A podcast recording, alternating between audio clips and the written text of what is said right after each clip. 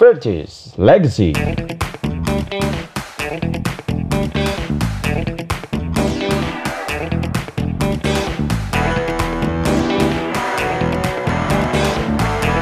Halo halo, selamat datang di Vergis Legacy episode yang ke-10. Akhirnya, akhirnya, akhirnya ya. Akhirnya Ole dipecat. Ya. Sesuatu yang sudah kita tunggu-tunggu. Eh, gimana nih? gimana nih abang-abang? Akhirnya di awal minggu ini pelatih kita, pelatih kesayangan kita ini Ole akhirnya memutuskan untuk Berpisah. keluar ya untuk berpisah terus juga memberikan eh, interview perpisahan ya kata-kata perpisahan buat fans gitu cukup emosional ya kayaknya Ole gimana nih abang-abang perasaannya Siapa gimana dulu nih?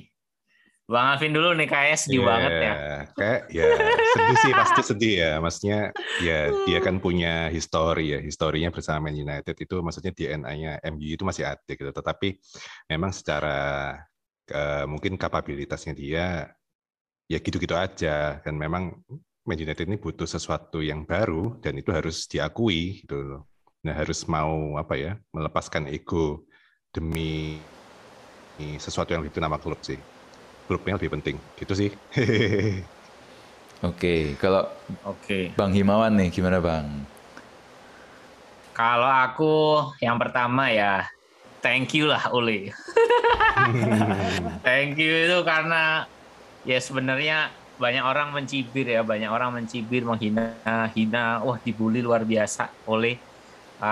tapi ada banyak yang bisa diucapin terima kasih lah. Momen-momen aku kemarin mengingat-ingat kembali ya momen bersama Ole, wih waktu pertama kali lawan Cardiff, Pogba main bagus sekali.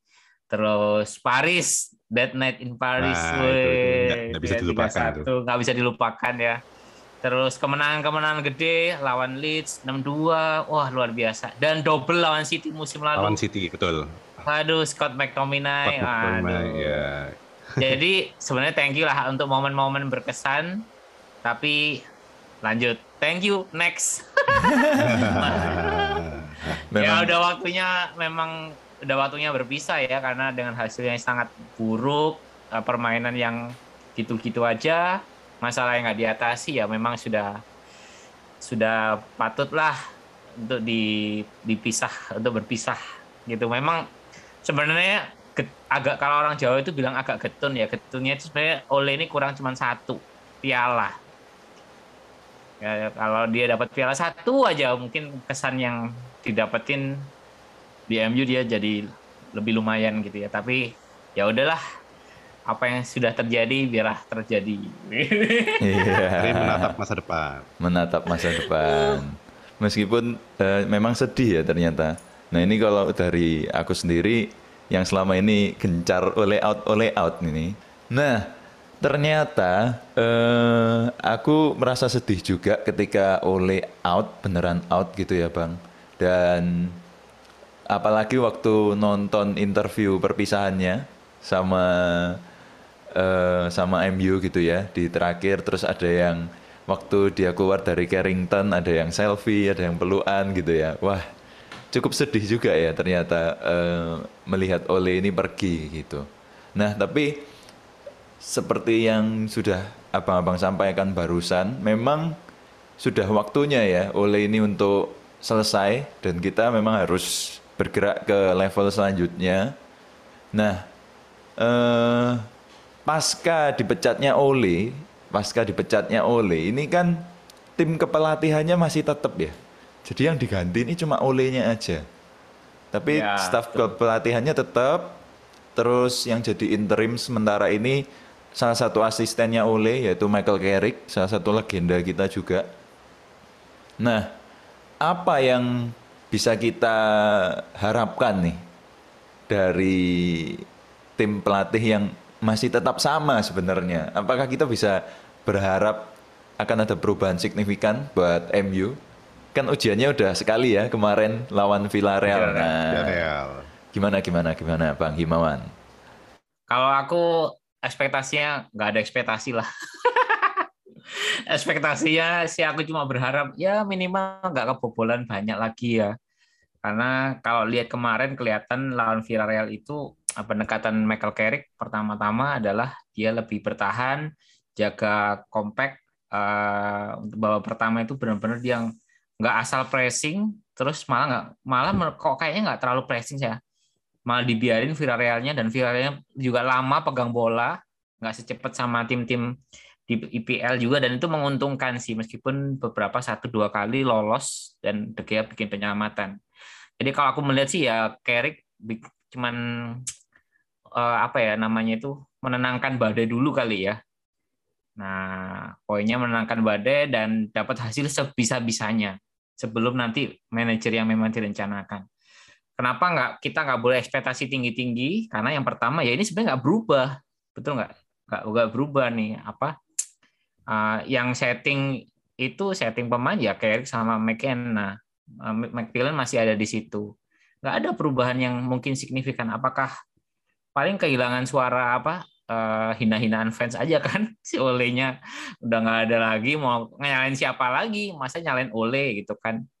Jadi yang dan sebenarnya kenapa nggak nggak expect? Karena ini ya nunjukin sebenarnya board kita ini nggak punya plan sama sekali gitu. Olenya udah lama ditunggu kirain kalau udah dia dipecat bakal udah langsung ada ganti. Ya Ile udah dipecat masih belum ada penggantinya yang jelas gitu kan keselin banget aku itu heran loh. Tapi kira itu kan dia terus ngapain dikasih kesempatan dua minggu? International break itu nggak dikasih apa disuruh pulang terus akhirnya dipecat. Kan ngapain gitu? Andai kan kok nggak maksudnya ya sekalian aja dari Liverpool dipecat terus ambil Conte gitu kan udah mending dah. Yeah, ini nggak ada plan. Boya udah berapa, berarti berapa minggu ya dari kekalahan lawan Liverpool itu? Ada sebulan kali ya? Ada yeah. udah ada sebulan ini kan kenapa gitu? Aku paling kesel sih karena itu. Jadi kok nggak bisa nggak langsung cepet ada penggantinya. Dan itu menyebalkan sekali. Itu berarti kita nggak bisa ekspektasi apa apa karena ya boardnya aja kayak gitu gitu. Manajemen itunya. Dari yeah. aku gitu sih. Mana bang Alvin ya ya setuju sih setuju. Jadi memang uh, secara manajerial itu saya aku melihat masih kita masih apa ya nggak punya masih belum tahu kita ini mau visinya mau mau seperti apa permainan seperti apa secara uh, tim itu mau seperti apa dan ya ini yang menghambat sebetulnya. Jadi bukan 100% salah di Ole kalau ya kita sudah pernah bahas ya. Jadi memang kunci utamanya ini permasalahannya ada di manajerial seperti itu. Nah uh, dengan John Murtoh dan Darren Fletcher ini harusnya sih bisa mengatasi itu. Cuman nah ini nggak tahu nanti ke board dengan yang board yang di atas uh, ini gimana hubungannya itu yang harus diperbaiki sih menurutku. Kita harus punya game plan yang jelas dan Michael Carrick ini aku setuju sih. Menurutku masih menambal luka. Istilahnya itu menambal luka. Sementara gitu. lagi. Sementara lagi dan dan yeah. ya fans ya nggak bisa nyalain siapa-siapa ya mau ya masih baru awal-awal. Kalau misalnya nanti misalnya uh, kalah lawan Chelsea gitu kan ya, ya mungkin fans masih bisa toleransi gitu loh. Tapi nanti kalau ke depan ke depan uh, performa buruk terus, nah nanti juga akan berulang siklusnya itu akan berulang lagi gitu. Iya. Yeah. Dan uh, Michael Carrick sih cuma menambal sementara gitu dengan staffnya yang lama ya. Itu sih menurutku.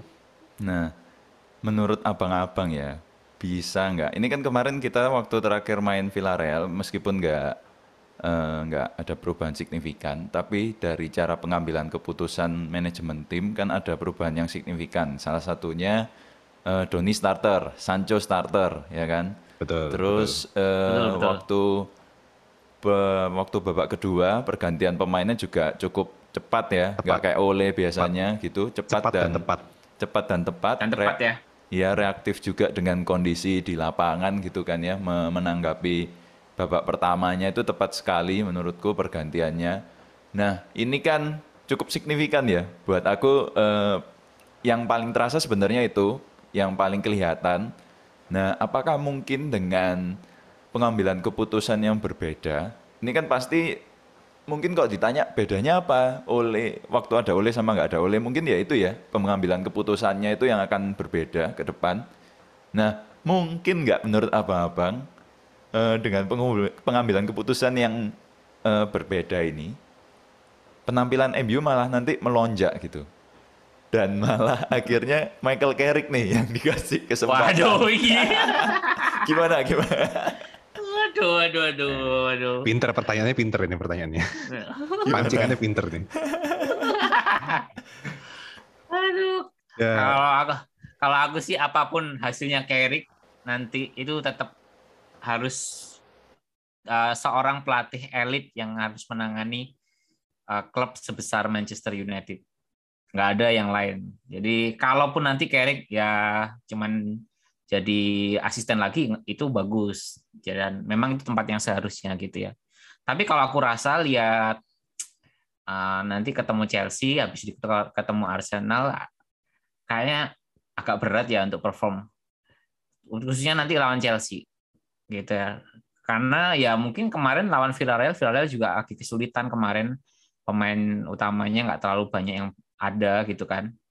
Terus ya kalau lawan Chelsea rasanya agak berat ya. Chelsea main luar biasa bagus ya kiri kanan depan belakang.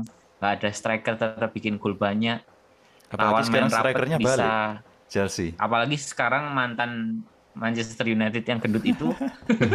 Yang dulu gemuk itu. Ya tapi sekarang udah kurus dan sangat fit sekali badannya. Lu- Lukaku wah kayaknya agak berat sih untuk untuk perform. Untuk kalau bisa dapat hasil poin aja di Chelsea lawan Chelsea itu udah pencapaian yang luar biasa bagus, ya betul. gitu Ya. tapi Iya. kalau apakah ada dampaknya ya kita lihat deh Nah, Menarik ini, juga sih iya, gimana menanti. nih? Kita bayangkan aja ya, kan kalau misalnya, jadi. karena kita secara kualitas pemain sebenarnya kan nggak nggak sebegitu jauhnya ya, kualitas Betul. pemain ya, nggak segitu jauhnya gitu. Nah, gimana kok misalnya ternyata memang bagus, nah sampai Palace saja, Crystal Palace misalnya kita belum punya interim yang baru ya, masih terus rumor-rumor-rumor aja, masih tetap Carrick sampai tiga game ke depan, tiga game ke depan ini kan ada Chelsea, Arsenal terus Crystal Palace ya. Nah, gimana kok di tiga game ke depan itu kita mainnya malah meyakinkan. Terus kan biasa ya, board itu kok udah meyakinkan ya udah dia dia santuy. Terus pasti nggak cari pengganti kan, pasti nggak cari Carrick, penggantinya Carrick kan dibiarin sampai akhir musim misalnya. Terus sampai akhir musim ternyata bagus. Terus Carrick diperpanjang jadi pelatih pelatih permanen gimana Bang Alvin? Eh, ya. Ini masuk akal banget, masuk akal banget sih eh, pertanyaannya. Eh, kalau menurutku kembali ke boardnya, ya aku nggak bisa apa ya, nggak bisa menduga-duga atau menerka-nerka sebagai fans ya. Eh, board ini punya visi atau enggak gitu. Tapi balik lagi ke board sih. Kalau memang boardnya punya visi, dia nggak akan mengulangi siklus yang sama. Ini siklus ini maksudnya eh, setelah era eh, era, era Fergie ya. Setelah era Fergie ini kan kita melihatnya sebagai sebuah siklus gitu. Jadi kayak performa drop terus kemudian naik sampai pencapaian tertentu, kemudian drop lagi, naik lagi, turun lagi. Dan ya terus terang sebagai fans sih aku udah capek gitu loh. Dengan siklus seperti itu gitu. ya udah terserah gitu ya bang Iya, kenapa nggak bisa kita bikin eh, fondasi yang kuat? Maksudnya mau mau ke depan seperti apa, mau klubnya sebesar apa itu, ya itu yang harus ditentukan dengan pelatih yang yang cocok, yang tepat gitu loh. Kalau kita bisa menemukan pelatih yang tepat, siklus itu nggak akan terulang dan kita bisa kembali menjadi klub yang besar gitu loh. Iya, sekarang udah besar sih. maksudnya lebih banyak trofi maksudnya kan. Iya, Betul. iya, iya, iya. betul betul jadi sebenarnya kalau Carrick itu misalnya dia tampil bagus dapat poin terus malah diperpanjang sebenarnya nunjukin bahwa kita nggak punya plan Setuju, setuju, Dan- setuju banget. kalau apa yang bisa diharapkan dari sebuah klub elit yang duitnya luar biasa banyak tapi dia nggak punya plan ya harapannya yang bisa kita harapkan adalah kejatuhan Iya kan nggak ada lagi kejatuhan Hancur-hancuran Nah, sekalian wak- gitu ya. aja. sekalian. Tinggal kalau nggak punya plan, apa yang di sepak bola modern ini? Belum kalau Newcastle United nanti muncul dengan duit yang luar biasa melimpah. Nah, Nah, Betul kan? Betul. betul. Jadi persaingannya sudah beda nih dibandingkan bahkan waktu 2013 terakhir Sir Alex memimpin, wah jauh sekali bedanya. Jauh gitu. sekali bedanya. ya. Tim-tim papan tengah, papan bawah, bahkan aku lihat si siapa namanya Aston Villa dengan mengambil Steven Gerrard itu lebih jelas loh plannya. Hmm, betul. Jadi Betul. pemiliknya atau manajemennya tahu mereka pengen main bola lebih atraktif, lebih nyerang, kualitas Betul. pemain ada, diangkut Steven Gerrard. Jadi profil pelatih yang mereka ambil tuh benar-benar mencerminkan kemauan boardnya. Lah kita ini apa nggak jelas? Nah, betul betul betul. Memang sih eh, kita kayaknya sepakat ya kalau Carrick jadi pelatih tetap it's a big no ya. Kita sepakat lah soal itu ya. It's a Ya. big no kalau Betul, misalnya jadi eh, pelatih tetap gitu. Cuman ya memang sebagai fans kayaknya kita juga patut harap-harap cemas gitu karena board kita kan memang selalu begitu ya.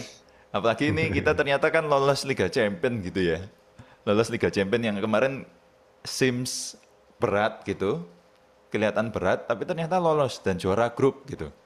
Dalam Nah, grup kan- lagi ya. Nah, MU ini kan selalu begini ya. Begitu maunya hancur terus ternyata ada sedikit harapan. Nah, ini mungkin Harapan. Ya, Iya. betul. Jadi ya kita sebagai fans eh, mungkin aku setuju ya mengulang statementnya Bang Himawan kalau ya udah nggak usah berekspektasi aja, udah nikmati aja gitu, nikmati aja ini MU mau dibawa ke mana sampai nanti mungkin kita baru bisa bicara banyak ketika nanti eh, pelatih tetap yang baru itu sudah diputuskan ya siapa Betul. Kalau memang jadi pelatih tetap ya. Kalau jadi. kalau nemu, kalau Kalau nemu. nemu. kalau nemu ya memang sekarang juga susah ya nyari pelatih interim aja susah ya kayak nggak banyak juga musim. iya nggak nggak banyak juga yang langsung mau ya sama MU harusnya kemarin yang langsung mau kan Conte ya Conte Ya. itu bahkan Betul, sudah menunggu-nunggu ya teleponnya itu udah standby terus betul. iya udah standby terus gitu ternyata board MU nggak telepon telepon malah, Malah Daniel Levy Levy yang telepon. iya nah Nggak semua orang mau ya gimana ya susah banget emang ini klub sekelas MU ini. Jadi nggak Iya. semua orang mau mempertaruhkan CV-nya lah untuk MU dan Ole memang ini sekali lagi apa ya keberanian dan mentalnya Ole itu dia mempertaruhkan CV-nya dia buat klub yang dia cintai itu. Gitu. Betul, betul, betul. Dan ya kita nggak bisa memungkiri ya, eh, kayak MU ini kan memang dengan klub sepak bola dengan basis fans yang terbesar ya di seluruh dunia ya. Jadi ya memang nggak MU nggak makan gitu. Betul. Jadi apa pun yang terjadi di MU itu pasti dikulik, pasti digoreng sama media, pasti di eh, jadi sorotan fans gitu ya. Nggak nggak akan tenang lah kalau jadi pelatih MU itu pasti hidupnya akan penuh tekanan gitu. Jadi mungkin ya masuk akal juga ya sampai detik ini masih nggak jelas nih nasib pelatih kita ini gimana, pelatih interimnya. ini. Kecuali nanti kalau udah MU sampai jatuh-jatuhnya, sampai orang males saking jeleknya udah orang males bahas. Nah, Nah, itu udah nah, mulai. Itu dia, itu dia. Kayak AC Milan kan, aduh. Nah, nah, menurutku ini sih eh, salah satu kita beruntungnya ya punya Ole itu adalah eh, ini yang akan kita bahas berikutnya adalah legacy yang ditinggalkan Ole gitu. Dengan tim yang ada saat ini, kita bandingkan dengan saat Sir Alex pergi dulu ya. Itu kan wah, kualitas timnya kan wah udah udah mau expired ya waktu itu waktu dipegang Moyes itu kan udah wak- waktu itu udah mau expired gitu. Atau nggak usah jauh-jauh ke Sir Alex. Waktu Ole pertama kali datang eh, dapat warisan dari Mo, Mourinho, itu kan juga ancur-ancuran ya kualitas pemainnya ya. Nah, sedangkan sekarang Betul, kita betul. kita bisa lihat salah satu warisan dari Ole, Ole Legacy, gitu ya, Ole's Legacy itu adalah eh, kualitas pemain yang oke gitu. Meskipun ya tetap di sektor tengah masih kurang ya, eh, kualitas tim pelapisnya juga masih kurang. Tapi untuk kualitas starter jauh lah lebih bagus dibandingkan zaman waktu Ole pertama kali terima gitu. Bahkan juga Setuju. di interviewnya Ole, ya, di interview perpisahannya Ole, Ole kan juga bilang, "Eh, saya itu ahli dalam membangun eh, struktur dan membangun budaya eh, sepak bola dalam sebuah klub gitu. Setiap kali eh, dia dua kali meninggalkan Molde dan dua di tahun berikutnya Molde itu juara gitu. Nah Ya, kira-kira betul, betul. menurut abang-abang apakah eh, setuju dengan pendapat Ole? Apakah setuju juga kalau misalnya warisan yang Ole berikan ini sangat berpeluang untuk bisa membawa prestasi buat MU ke depan gitu? Gimana? Menurut Bang Alvin dulu deh. Aku setuju, setuju. Uh, yang jadi yang disampaikan sama Ole ini bukan omong kosong ya tentang itu ya. Dan uh, kalau kita lihat di MU antara uh, sejak waktu pertama kali Ole masuk sampai sekarang ini kan signifikan banget sih menurutku perubahan yang dibawa mulai dari uh, akademi terus kemudian pemain-pemain yang naik ke tim utama, terus kemudian juga uh, apa talent-talent muda, bintang-bintang muda kalau kayak Shola Shoratir ya. Terus kemudian ada Ahmad Diallo juga. Dan uh, ini adalah fondasi yang yang dibangun oleh untuk Manchester United ke depan dengan pembelian-pembelian pemain kayak Sancho dan uh, sebagainya gitu ya. Walaupun ada pembelian-pembelian yang kurang tepat juga. Uh, Siapa nih kaptennya? aku aku nggak ngomong deh. kita, bisa, kita udah bisa menduga lah siapa. Okay. Nah, ini itu uh, adalah fondasi yang sedang dibangun oleh oleh Gunnar Solskjaer untuk MU ke depan gitu dan menurutku kita punya modal itu tinggal bagaimana implementasi di lapangan mau bermain dengan gaya seperti apa transisinya secepat apa kemudian uh, penempatan ruang off the ball seperti apa. Nah, ini yang harus dibenahi oleh pelatih, pelatih coach oleh staff ya. Hmm. Dan si dan manajemen juga perlu membenahi mengenai masalah visi visi bermain Man United. Menurutku sih itu ya, itu yang penting ya. Itu. Okay. Kalau memberikan fondasi sudah sudah. Oleh sudah memberikan banyak warisan sih menurutku. Oke. Okay. Nah, kalau aku apa namanya? Uh, setuju sih sama Ole ya dengan masih ingat lah pahit-pahitnya. Awal-awal Ole itu main Andreas Pereira. Dari, dari Silinga di depan Marcus Rojo di kiri kanan Asli Young. Aduh. Benar-benar Greenwood waktu itu masih umur 18 ya? 11 18 yeah. sekarang paling nggak di depan kita udah nggak terlalu punya masalah. Sancho wah itu udah masih muda 22 Rashford 24 terus Anthony Martial tebakan Anthony Martial juga masih bisa dibilang 25 masih oke okay, ya. Kalau dia masih mau di MU terus uh, Greenwood terutama wah dia masih bisa main nomor 9 jadi di depan cukup oke okay banget. Terus di tengah ada uh, Bruno masih usia bagus juga. Di belakang juga oke okay, rata-rata dan lubang kita kan hanya di lini tengah ya. Dan sebenarnya kalau Betul. menengok ke bawah itu masih ada James Garner, Dylan Levitt, dan yang nama-nama yang dulu agak jauh gitu ya untuk nemu gitu. Yang waktu zaman era mau paling banter siapa? Ya cuma Scott McTominay yang kayaknya kalau dibanding Scott McTominay dulu waktu umur 21 20 sekian dibandingin sama James Garner sekarang itu agak jauh ya.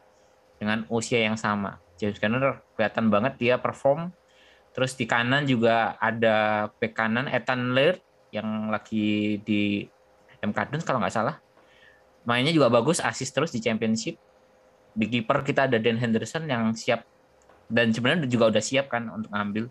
Jadi menurutku kondisi pemainnya oke okay banget. Bahkan untuk jangka pendek kalau dapat interim yang bagus, kita bisa ngejar Champions League mungkin ya.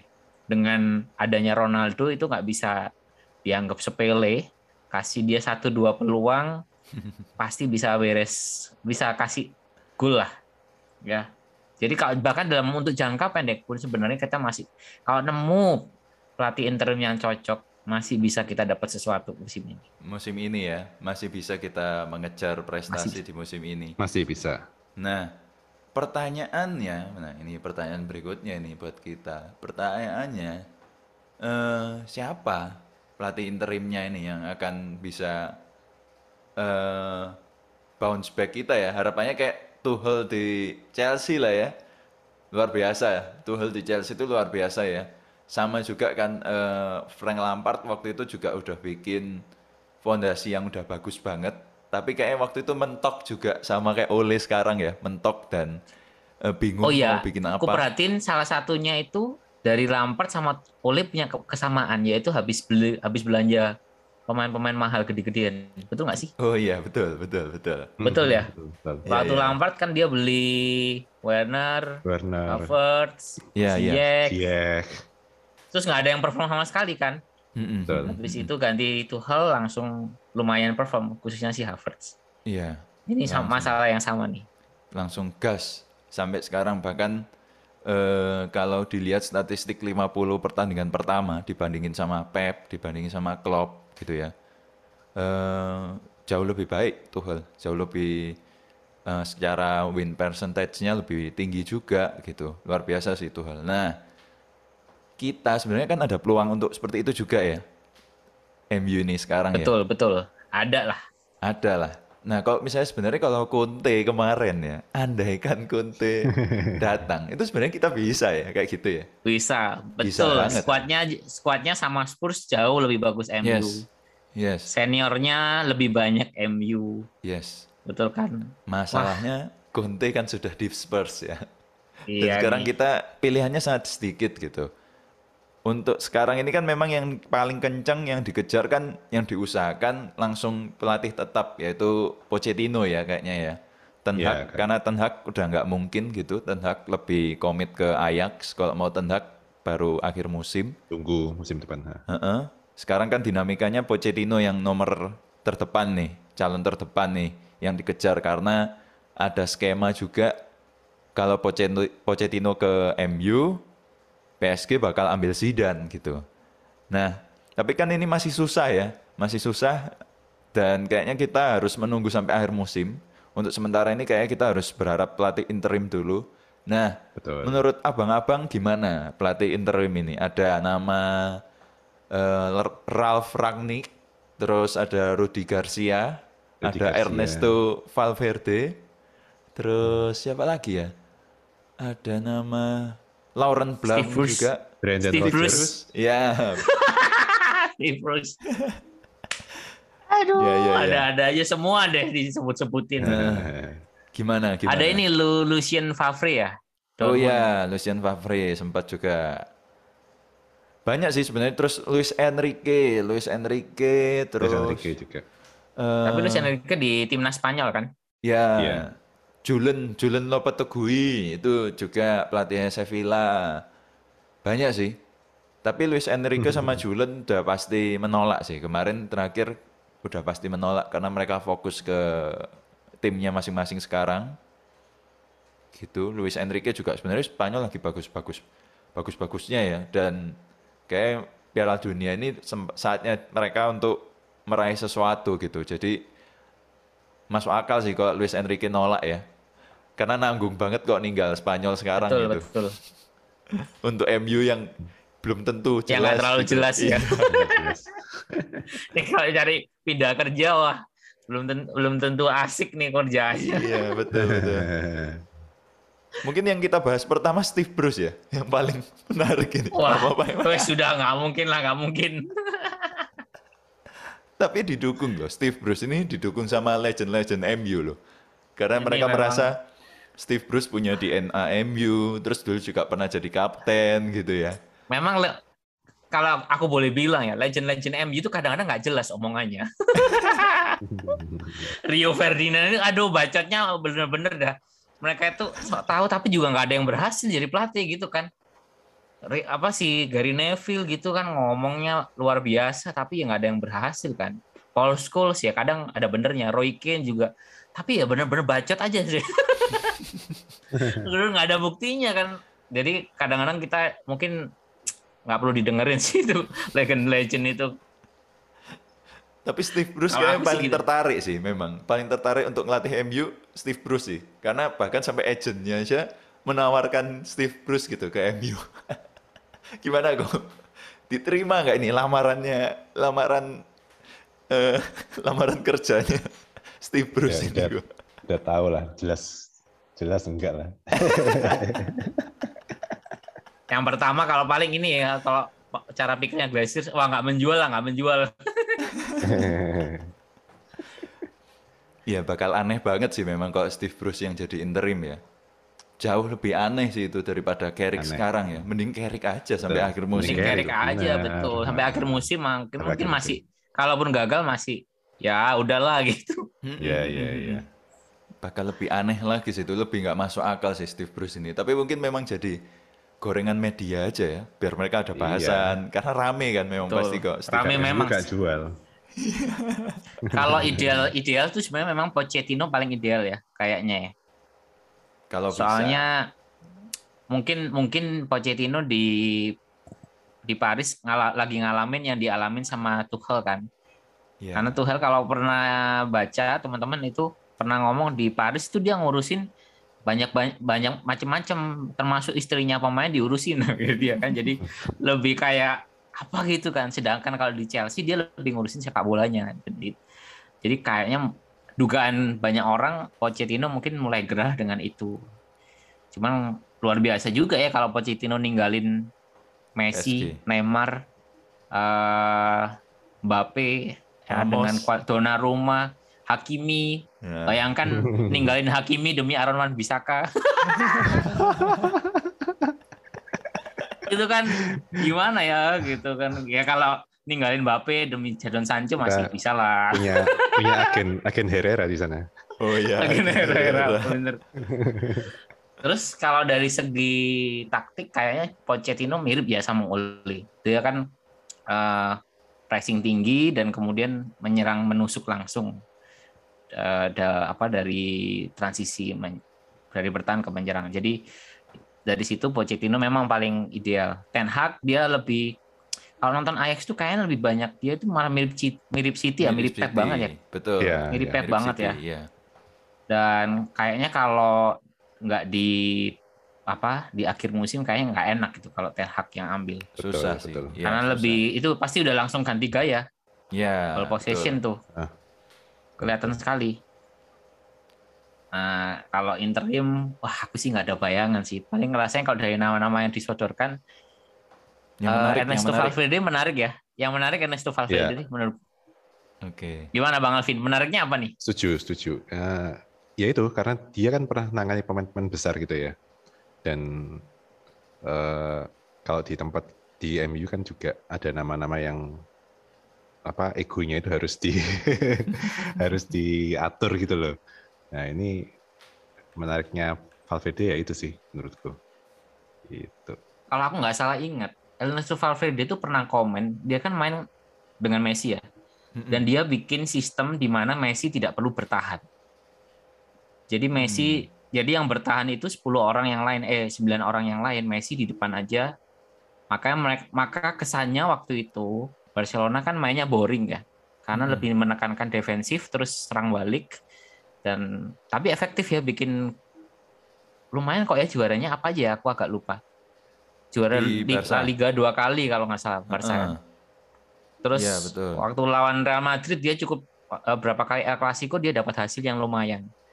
Nah, menarikku itu menurutku ya kalau dengan dengan komentar atau yang aku pernah aku baca itu di mana dia membebas tugaskan Messi dari tugas bertahan. Nah, ini kan cocok nih dengan Cocok. keadaan Man United. Sekarang.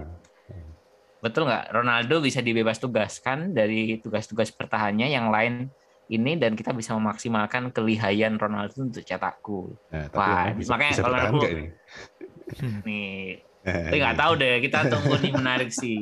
Kalau nama-nama lain, Lucien Favre nggak terlalu ngikutin, tapi Lucien Favre menarik karena dia yang membesarkan Sancho, Mm-mm. Ini nih. Ralf Rangnick. Ralf Rangnick. Nah ini Nah, Bang ini. Alvin nih bisa komentar. Aku nggak pernah nonton nih soalnya. aku juga belum belum pernah nonton ini tapi melihat apa prestasinya dia dulu di mana Mun, Mun- eh, ini ya apa Dortmund ya Bukan, Ralf Rangnick itu di yang yang gedein ini eh, Leipzig Leipzig. iya. sama Leipzig. Hoffenheim ya oh kalau iya nggak iya salah. iya, ha, ha. iya ini cukup menarik sih sebenarnya untuk kalau sih secara CV ya Secara secara, CV. ya. Betul. secara CV menarik ini CV-nya bagus. CV-nya bagus Ralf Rangnick daripada ini- Steve, Steve Bruce Dari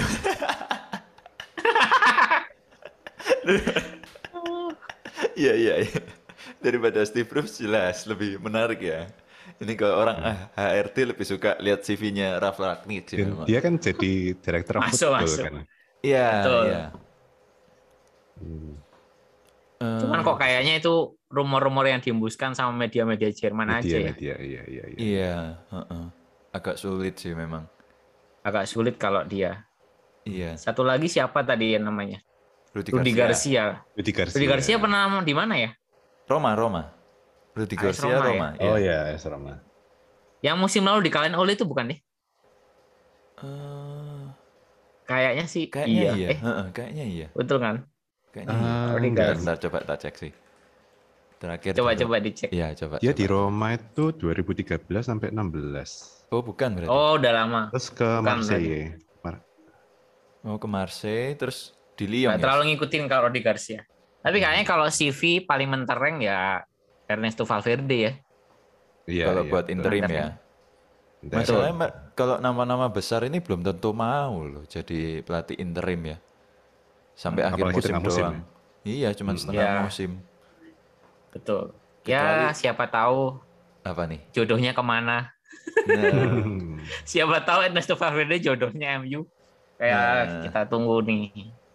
ya ya ya. Tapi menurutku Ernesto kalau jadi pelatih tetap juga tetap nggak menjawab ya, nggak menjawab kebutuhan MU ya. Karena Betul. dia dia sendiri di Barca kan ya sukses sih dua dua trofi eh, Liga, La Liga, terus satu trofi Copa del Rey. Tapi juga sebenarnya waktu itu juga banyak di eh, kritik ya permainan Ernesto ini dan kok nggak salah dia dipecat loh Ernesto ini. Dipecat, Betul. dipecat kok. Terakhir dipecat gitu. Betul. Jadi tetap sih kalau mau ideal ya Mauricio, Pochettino atau Erik Ten Hag ya dengan gaya permainan yang berbeda ini kan dua orang yang tepat menurutku buat MU dengan gaya yang berbeda. Kalau dulu kan Pochettino dibilang, wah ini pemain nggak ada buktinya, eh pelatih nggak ada buktinya, nggak juara, nggak punya trofi. Nah sekarang kan udah nggak bisa kan dia udah sempat juara lewat di PSG. Hmm, betul, betul. Jadi dosa-dosa di Spursnya udah di- ditinggalkan kan.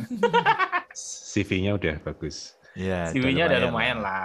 Nah, Masih bisa Kalau kalau serak-serakan sih Pochettino ya karena dia pernah nanganin show, ya di ngorbitin pemain Southampton ya. muda, betul dia satu- suka sama Donny van de Beek, pernah nguber Jadon Sancho. Nah, jadi itu kayak Oh iya, pernah itu ya? ya dulu kan pernah, Pernah, diisu, pernah, pernah. diisukan, pernah diisuin. Termasuk Oh, Bruno Fernandes juga pernah waktu di satu apa namanya interview dia ngobrolin tentang Tottenham Hotspur dan dia memuji permainannya Spurs gitu si Bruno. Waktu dipegang sama Pochettino. Ya. Iya, iya. Nah, ya, jadi kita harus siap-siap nyanyi nih kayaknya. Mauricio Pochettino, his magic you know. Bener nggak ya? suaranya? Wah, tapi ternyata nanti Steve Bruce. enggak enggak. Itu plot twist ya. Rotis juga- banget nih. Eh, Mauricio Pochettino ini ngobrol soal pemain ya, eh, pemain kesukaannya. Pochettino ini juga sempat menarget Declan Rice, pemain eh, impian kita ini juga ya. Jadi kayaknya sih memang kalau mau Emang cocok dilihat- gitu ya? Iya, align, Cocok. align, align banget sama MU sekarang. Tinggal lanjutin MU. aja sama yang Ole udah Betul. udah bikin gitu. Ya, masalahnya cuma tinggal apakah board MU akan bisa meyakinkan Mauricio gitu ya, Pochettino untuk Iya. Siapa angkat tahu kaki. ya nanti Hakimi juga diangkut kan. Nah, Nah, itu. itu. bisa sih. Hakimi ini kan kutu loncat ya soalnya ya. Tiap musim gonta Betul. ganti gonta ganti terus ya. Bisa sih itu bisa. Kalau Araf ya. Hakimi diangkut, wah Mantap nih. mantap, mantap banget. Tinggal Declan Rice, ah, Pres. ah sudahlah impian-impian. Tetap tetap ingat juga kita punya eh, kemungkinan untuk Carrick jadi pelatih tetap. Itu ingat juga ya. tetap diingat juga. Kalau kita main Ada bagus terus, iya bisa jadi Carrick yang jadi pelatih kita. Oke, eh kayaknya udah cukup ya kita bahas soal Ole dan pelatih-pelatih. Kita langsung aja kita sekarang review waktu main lawan Watford nggak perlu direview lah ya. Karena udah udah pergi juga pelatihnya. Udah- udah jelas. Udah jelas. Udah jelas. Sama lah seperti yang review-review kita sebelumnya sebenarnya. Oh ya, apa perlu dibahas Oh, kapten? mungkin mungkin mungkin nah itu kalau di review di review cuma satu itu dah. Aduh, si gimana kapten gimana? ini bener-bener. ngantuk gimana? Aduh, aku nggak udah nggak paham sih. Maksudnya itu posisi memang kita kalah ya posisinya. Waktu itu kan satu dua ketinggalan. Tapi main main di babak kedua itu mainnya lagi bagus. Bola ngalir ke depan. Eh, Ronaldo dapat tiga empat peluang ke arah gawang. Itu kalau dia dalam posisi yang biasanya kayaknya Ronaldo bisa bikin gol tuh. Bisa unggul gitu dan Aduh, entah heran juga sih Donny van de Beek ini kalau tiap lagi main bagus temennya aneh-aneh. apa dia apa namanya dimusuhin ya gara-gara nggak bayarin kayaknya, makan gitu. Tapi kapten, aduh heran gua dah. Jadi memang kayaknya memang waktunya ganti kapten ya. iya. Setuju, setuju. Aku setuju. Aku setuju itu. Ko Alvin mungkin ada sepatah dua kata untuk Watford. Pertandingan lawan Watford. Eh, kita tinggal menunggu manajer yang baru nanti siapa yang cocok jadi kapten sih menurutku. Perlu diganti sih itu. Perlu diganti ya, perlu diganti. ya. Iya.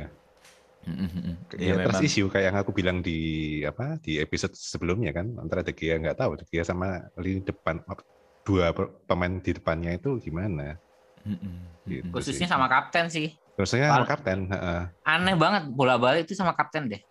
Oh, Iya. aneh. Kayak nggak pantas gitu loh. Kok bisa gitu loh. Padahal padahal Maguire kemarin waktu babak pertama sebenarnya lumayan oke ya. Waktu Lumayan oke Watford. dia tackling Lumayan tacklingnya. oke. Heeh, lumayan oke, tapi tiba-tiba Nutupin shot terus. Iya, tiba-tiba ngantuk gitu loh. Itu memang aneh ya. Nah, aneh sekali Gi, Maguire ini kapten kita ini. Ya meskipun itu akibat dari MU yang susah keluar dari pressing kan. Emang ada Ya. efek taktikalnya. Betul. Cuman itu yang pressing dia cuma sendirian gitu loh. Dia bisa dribbling dikit terus umpan ke kiri Heeh, heeh. atau susah-susah jauh ke depan. Gitu. waktu waktu terima bola kan udah kayak ngelamun gitu kan. Iya, betul. Lama banget pegangnya tuh Iya, lama waktu banget. terima operan tuh udah kayak ngelamun. Terus waktu kerebut kayak panik gitu langsung dia Panik. panik, Betul. terus langsung Padahal dia- tackling aja. Maksudnya posisi pemain yang lain itu masih bisa terima bola, Betul. bukan posisi kayak kayak lawan Leicester itu kan kayak lawan Leicester kegulan juga gara-gara Maguire. Ya, Dia kehilangan bola kan direbut. betul. Tapi itu memang posisinya nggak enak. Yang lain tuh nggak nggak kasih bola apa ya, nggak kasih peluang. setuju. Nah itu kan kita masih build up, terus Lindelof itu nggak ditekan juga Lindelof. Mm-mm. Lindelof masih bisa terima bola. Ah itu emang aneh sih. Kesel Iya. banget itu. Makanya eh, teori konspirasi kalau dia musuhin. Doni itu jadi masuk akal ya, terasa Dan- dan masuk ini akal. loh, eh, Apa kok? Bang Imawan sempat sempat sempat bilang loh ya kan waktu oleh dipecat kan dia apa nggak ngeluarin statement kan kapten Tapi Oh, akhirnya sampai- keluarin. sampai- Akhirnya ngeluarin. sampai beberapa hari Akhirnya beberapa, keluarin, beberapa hari setelahnya kan Iya gitu. betul. dia Sungkan lupa mungkin, dia yang sungkan. yang yang bikin dia kasih back termahal siapa. Iya, lupa dia. Yang kasih dia kapten siapa dia lupa. Aduh, tapi emang harus diganti deh. Kayaknya banyak fans yang juga sepakat. Ya, memang kurang sih ya, terlepas eh, dari prestasinya dahulu. Tapi emang dari dulu memang nggak terlalu meyakinkan ya kok jadi kapten ya Maguire. Seandainya kok Maguire nggak jadi kapten, kita mungkin bisa lebih memaafkan ya. Eh, Betul, betul. memaafkan kesalahan-kesalahannya Maguire gitu ya. Karena kan kita Betul, udah betul. udah lama sebenarnya punya back back back back lawak itu kan udah lama. Kita punya Mike Smalling gitu ya dulu. Mike Smalling yang Malah suka menurutku lawak. kok Smalling itu nggak nggak gitu-gitu amat ya. iya benar-benar Nah, nggak? itu itu itu Benar, justru benar. bedanya karena Mike Smalling bukan kapten, Kapten Smalling dulu sempat spek Sempat- sempat kapten tapi kan? wakil kan. Vice Iya, captain iya. kan, vice captain lah. Ya, bukan lah, iya. bukan bukan kapten utama lah. Ya itu, karena itu menurutku. Karena Maguire kapten, akhirnya kita jadi lebih sulit untuk memaafkan Betul. Maguire.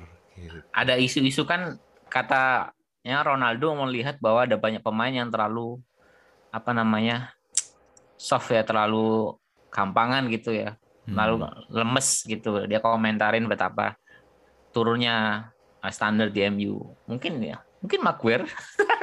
Orang. Nggak langsung gitu Aku ya. ini sebenarnya kepengen, nah ini bersyukur ada bersyukurnya juga ya. Dia kena kartu merah kemarin. Moga-moga Varane bisa main. Sebenarnya Hmm. kepengen nonton Varane Lindelof. bareng Lindelof. Hmm. Lindelof musim ini sebenarnya bagus banget. Betul, betul. Iya, betul. Cakep banget mainnya. Dia bagus dan kalau gimana nih kalau diduetin sama Varane gitu. Iya, iya, iya, iya. Varane cedera nggak sih? Varane tuh Ah, udah nggak? udah latihan-latihan ya, tapi udah latihan Oh. kembali. Moga-moga ya. Moga-moga bisa balik ikut nih lawan ke Chelsea. Ah, betul. Iya, iya, iya, iya. Kalau Varane sama Lindelof bagus, ternyata oke. Nah, mungkin tempatnya Maguire di bangku cadangan. Iya. Semoga Carrick berani ya. Berani lah Berani sih harus. menurutku. Harus berani. Kemarin harus pertandingan berani. Berani. pertama langsung ngebench Bruno ya.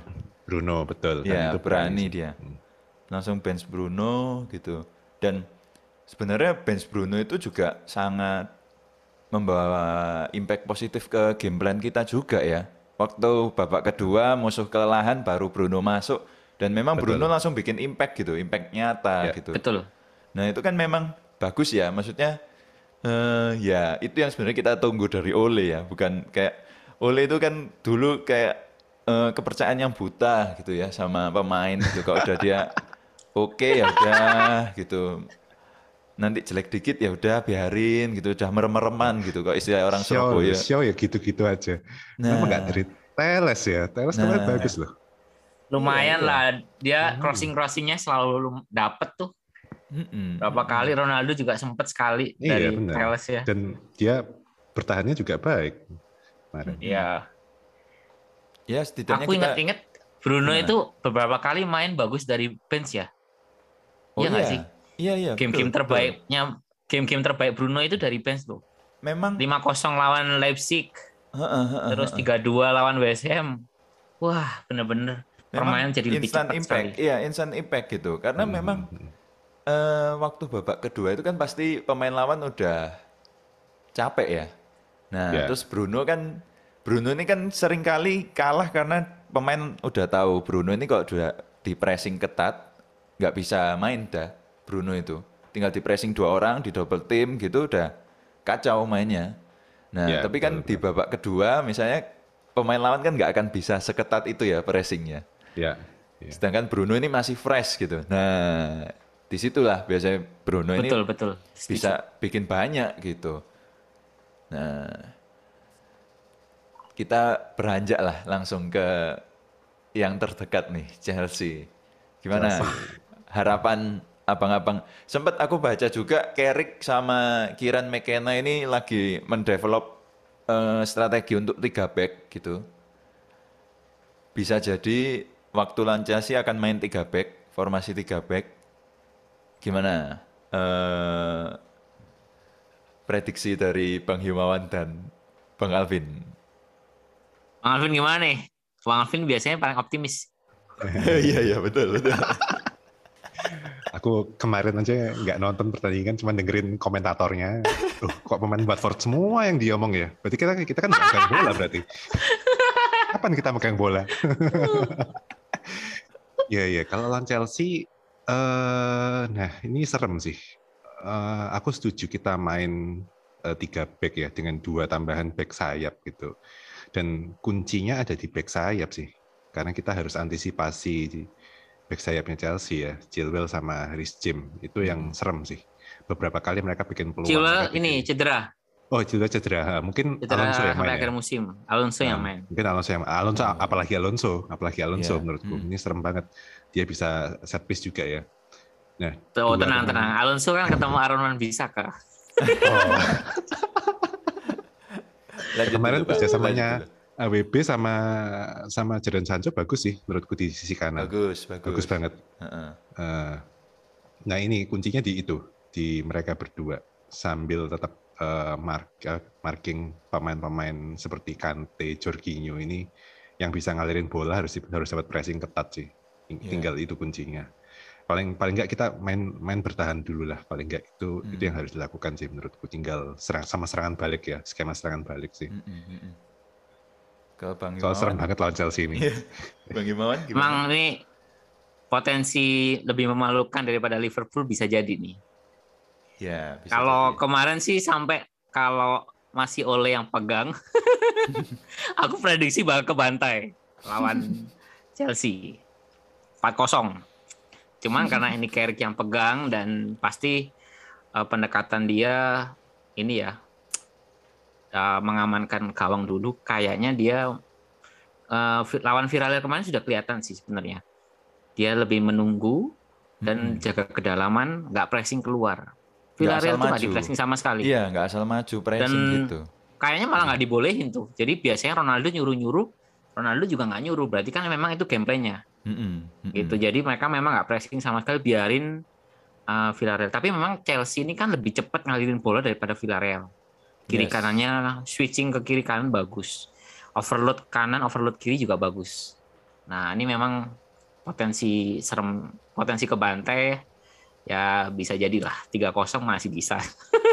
Hmm. Tapi kayaknya eh, ketersediaan pemain kayak nggak memungkinkan ya tiga back Bailey, Lindelof, Iya betul Varen kan belum tentu.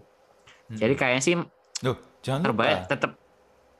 Waduh, kalau Lord Jones kembali lagi, nggak tahu lagi deh ini tahun Gimana, berapa ya, gimana? Kalau aku lupa. sih terbaik tetap tetap empat eh, kemarin tuh kesannya empat dua tiga satu ya, tapi waktu bertahan jadinya empat empat dua kan. Empat empat berdua dengan Sancho turun, Van de Beek jadi gelandang di tengah ya. Mm. Terus siapa ya kemarin yang main? Sancho, Van de Beek, Yang di depan ya, turun anu, banget. Oh ya, yang di yang depan, depan Martial sama Ronaldo. Ronaldo, kan. oh Iya. ya Mar Martial sama Ronaldo depan kan. Mm-mm, Jadi Van de. Beek ngebantu dan Fred itu kemarin lebih ke kiri, lebih di kiri sebenarnya. Van de Iya. Beek lebih di tengah. Ah, dengan sistem itu menurutku lumayan bisa ngebikin ah, apa namanya back sayap itu dibantu gitu, fullbacknya Iya. dibantu untuk ngadepin wingbacknya Chelsea.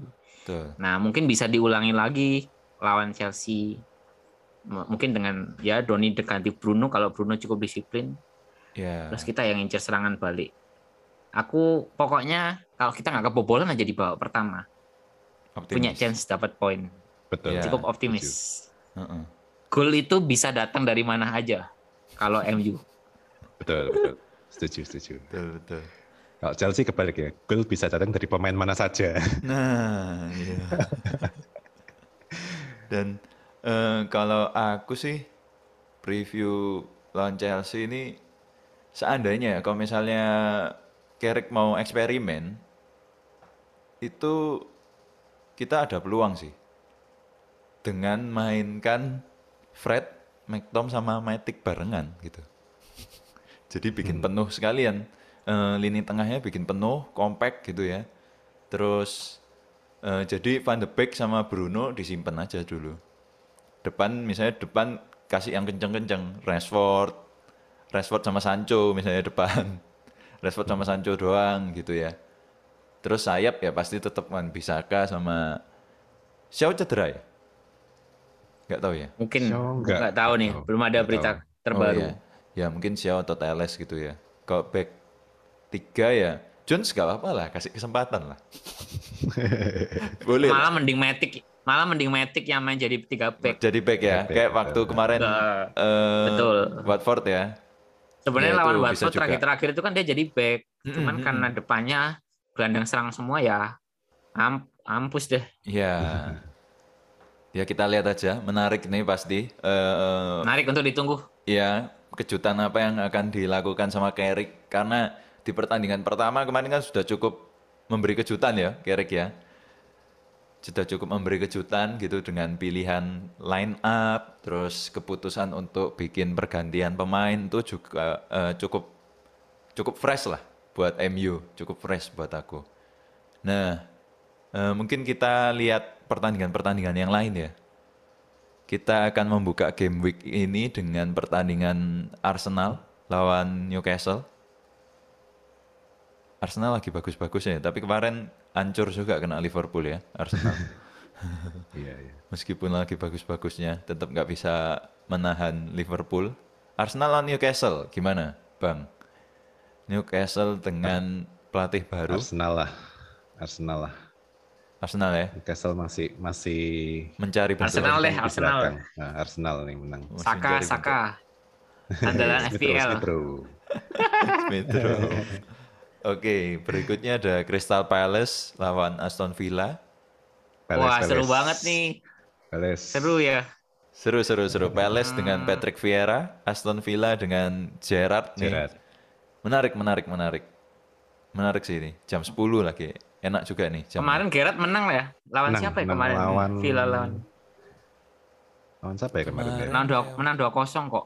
Eh, Aston Villa. Burnley ya? Oh, lawan Brighton, Brighton. Oh, Oh, Brighton ya? Brighton. Iya, iya, iya. Wah, ini menarik. Ini layak ditonton nih Palace selama sama Villa. calon manajer MU masa depan. Oke.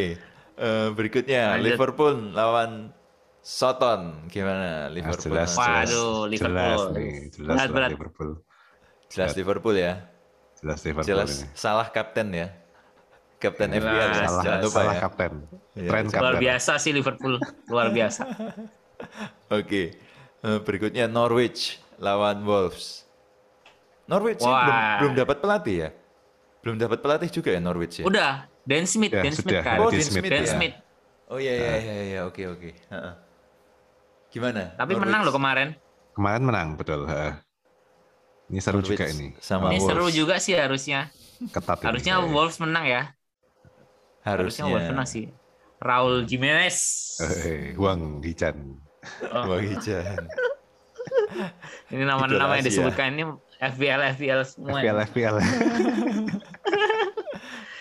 Oke. Terus siapa lagi? Eh, hari Minggu tengah malam ada Brighton lawan Leeds.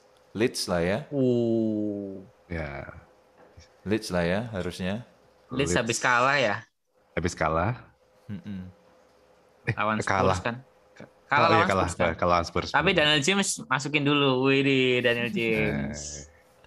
Ya. Aduh. Terus Brentford lawan Everton.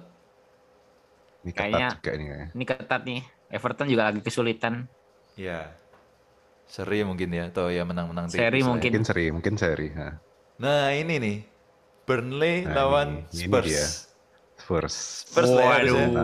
Seru, seru ini, menarik. Seru, seru, seru. Iya. Spurs lah ya. Spurs, Spurs lah ya. bisa, Spurs bisa. Heeh. Kemarin lawan Leeds saja dia menang, lawan Burnley masuk Dia kalah. menang, betul. Iya.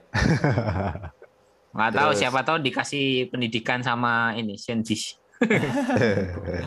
Oke. Terus berikutnya ada Leicester lawan Watford. Watford. Leicester. Wah, Gimana gimana gimana? Wah, dua Niari- tim yang mengalahkan MU ya. Biasanya kalau habis mengalahkan MU kalah Hancur. terus gini. Wah, kecuali City, kecuali City, Kecuali Bang. City, kecuali City ya. Oke. Terus Leicester lah ya.